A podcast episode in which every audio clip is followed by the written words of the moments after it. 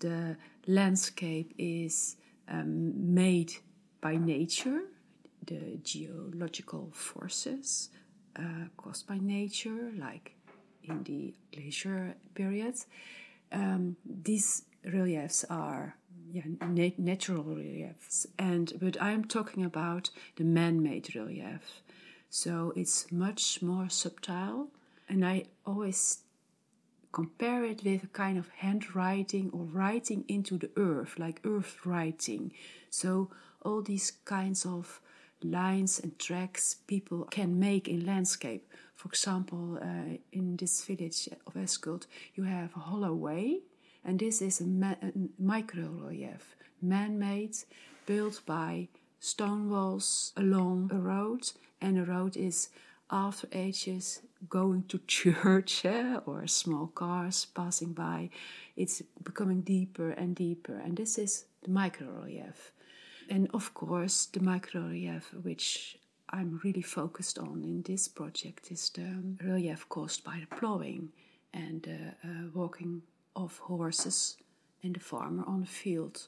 So, this is, I think, for me, an important subject to make clear what microrelief is.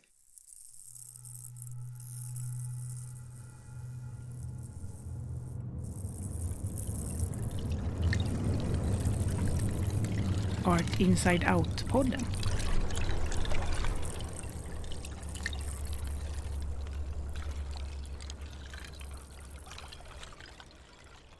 I call myself a landscape researcher and visual artist, and in this kind of way, I'm combining scientific work with art.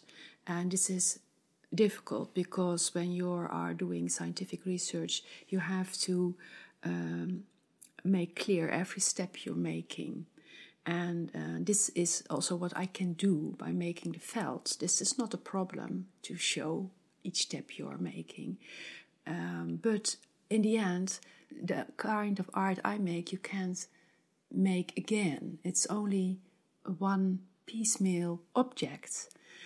And um, so that is of that is of course the specific um, point in, in art. And but in, in science this is not allowed, you can say. So uh, during my work I have to be aware of that. I'm trying to um, close this gap between science and arts. Cora Jongsma is an artist and a landscape researcher from the Netherlands. She uses felt to make landscape maps. She calls them feltscapes. They function as conversation pieces in her felt conversations with farmers. During the fall of 2018, she is attending the residency Skift Äskhult. Äskhult is a culture heritage village in the municipality of Kungsbacka in Sweden. The village is being reconstructed to the year of 1825. Here she is in a felt conversation with Thomas Carlson, one of the farmers in Äskhult.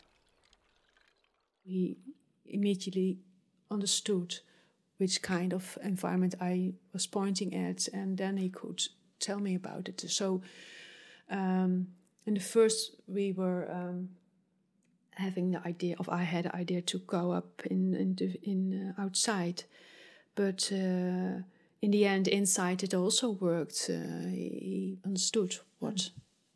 I was uh, I made, and um, um, and he also asked me uh, how I made my work and how long did it took, and and we found out that um, the property I made with felt uh, took approximately five days to make, and he, this piece of land was also uh, um, took takes him five days to to plow. So it was really nice to finding these parallels. Collecting of data is the starting point for doing my research as a landscape researcher. I have I, I'm working with data, so not with a feeling of of oh something I want or a concept.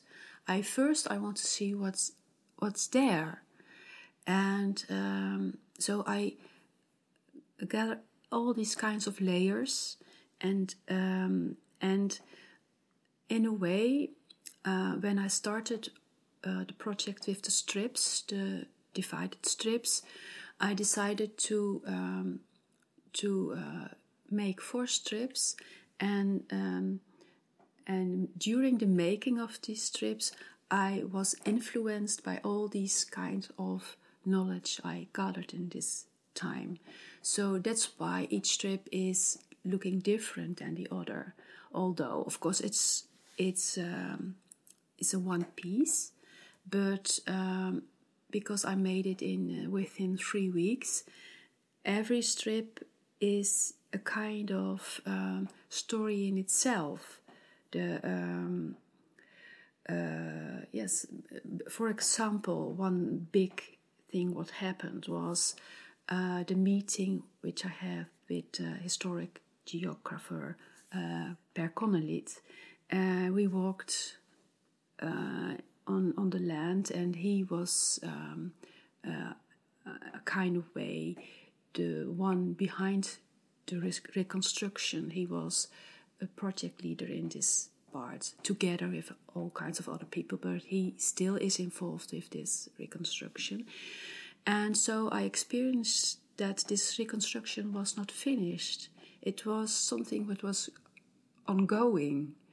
And um, I, for myself, when I walked these lines using uh, my GPS, collecting my tracks, my own tracks, I um, saw that there were uh, that the stones were put in different ways. Not each stone was were was settled in his environment. So, um, and then I could ask him all kinds of questions: how this reconstruction was made, how started, the thoughts about it, why 8025, and so on. This is also my.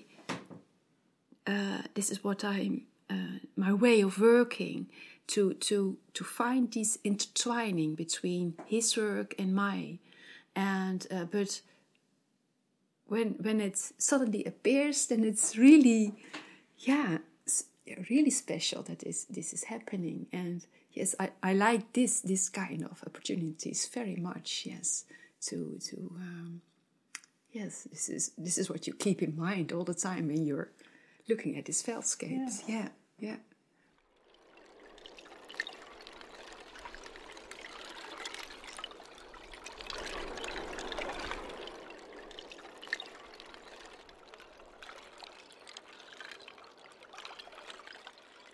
So the the layering of felt and the cutting of felt, the combining of layers of felt is for me. Um, this process is for me important because in there I make the connection with the landscape itself.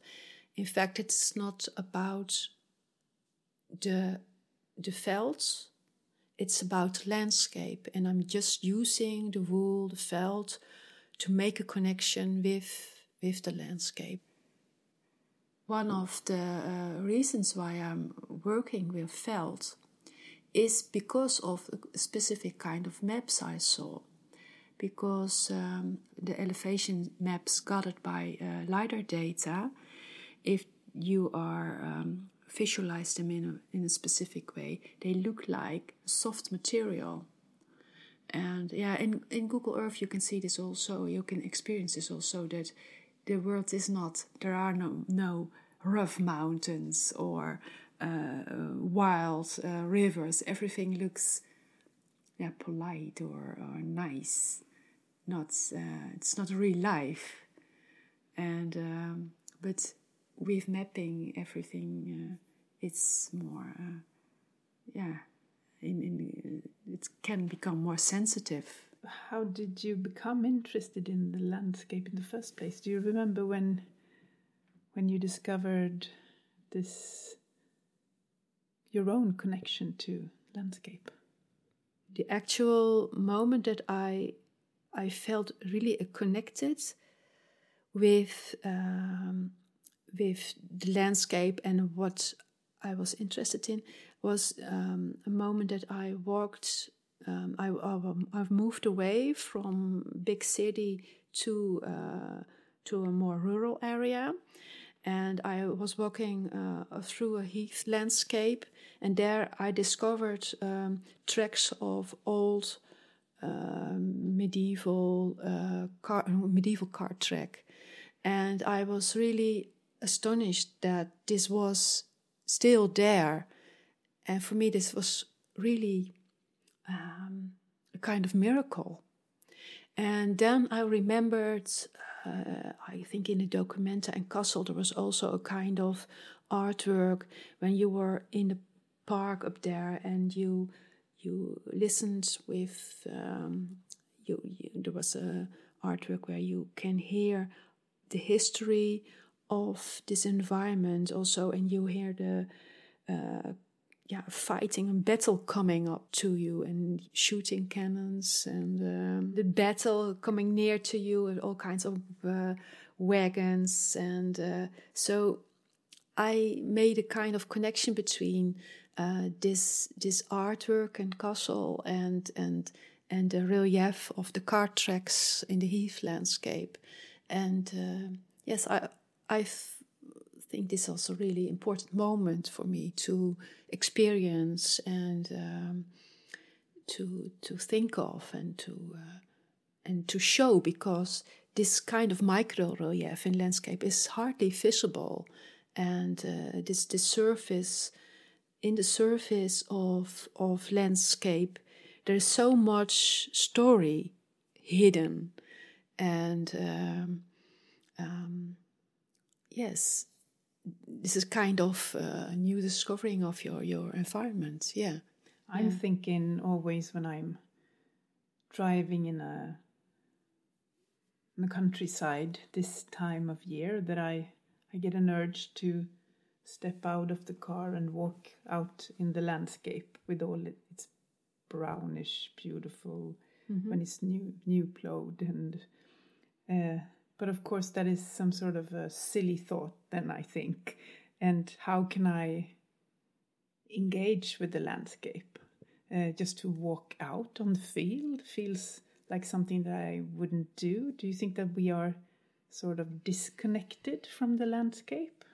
Human and landscape are often separated and um, a way just seeing the landscape if it's like it's a beautiful thing like a piece an art piece i think it's it's um, showing the distance between human and landscape just only see that it's beautiful and, and, and enjoy. Of course, it's important to do this, but I think this is creating a distance between landscape and human.